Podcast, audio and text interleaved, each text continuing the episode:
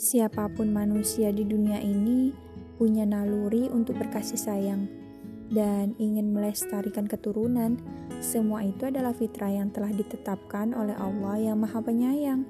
Maka tak berdosa ketika seorang insan yang menyukai lawan jenis dan ingin berkasih sayang dengannya selama cara yang ditempuh sesuai dengan syariatnya. Maka untuk para sahabat yang sudah dewasa, dan ingin memiliki pasangan, carilah dia dengan cara yang telah Rasul kita ajarkan. Ta'aruf, kidbah, dan menikahlah sesuai dengan syariat Islam. Karena itulah jalan terbaik dan akan mendatangkan kebahagiaan. Bukan dengan jalan pacaran atau kemaksiatan lain yang mengatasnamakan cinta dan kasih sayang. Karena sejatinya itu adalah hanya bentuk pelampiasan hawa nafsu sesaat yang keliru dan terlarang yang hanya akan mendatangkan kerugian dan mudarat yang berkepanjangan. Belum lagi siksa dan azab Allah yang akan ditimpakan di hari pembalasan.